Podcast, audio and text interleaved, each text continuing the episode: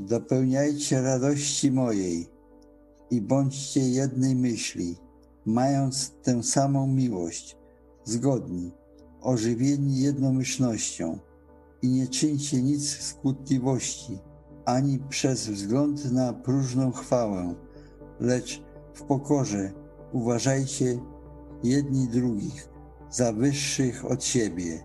Niechaj każdy baczy nie tylko na to, co jego, lecz na to, co cudze.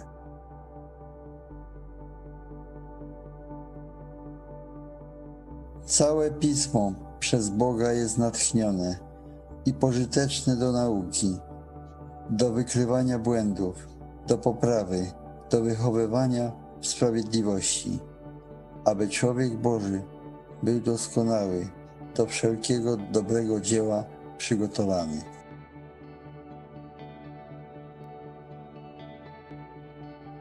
Jeśli wyznajemy grzechy swoje, wierny jest Bóg i sprawiedliwy i odpuści nam grzechy i oczyści nas z wszelkiej nieprawości.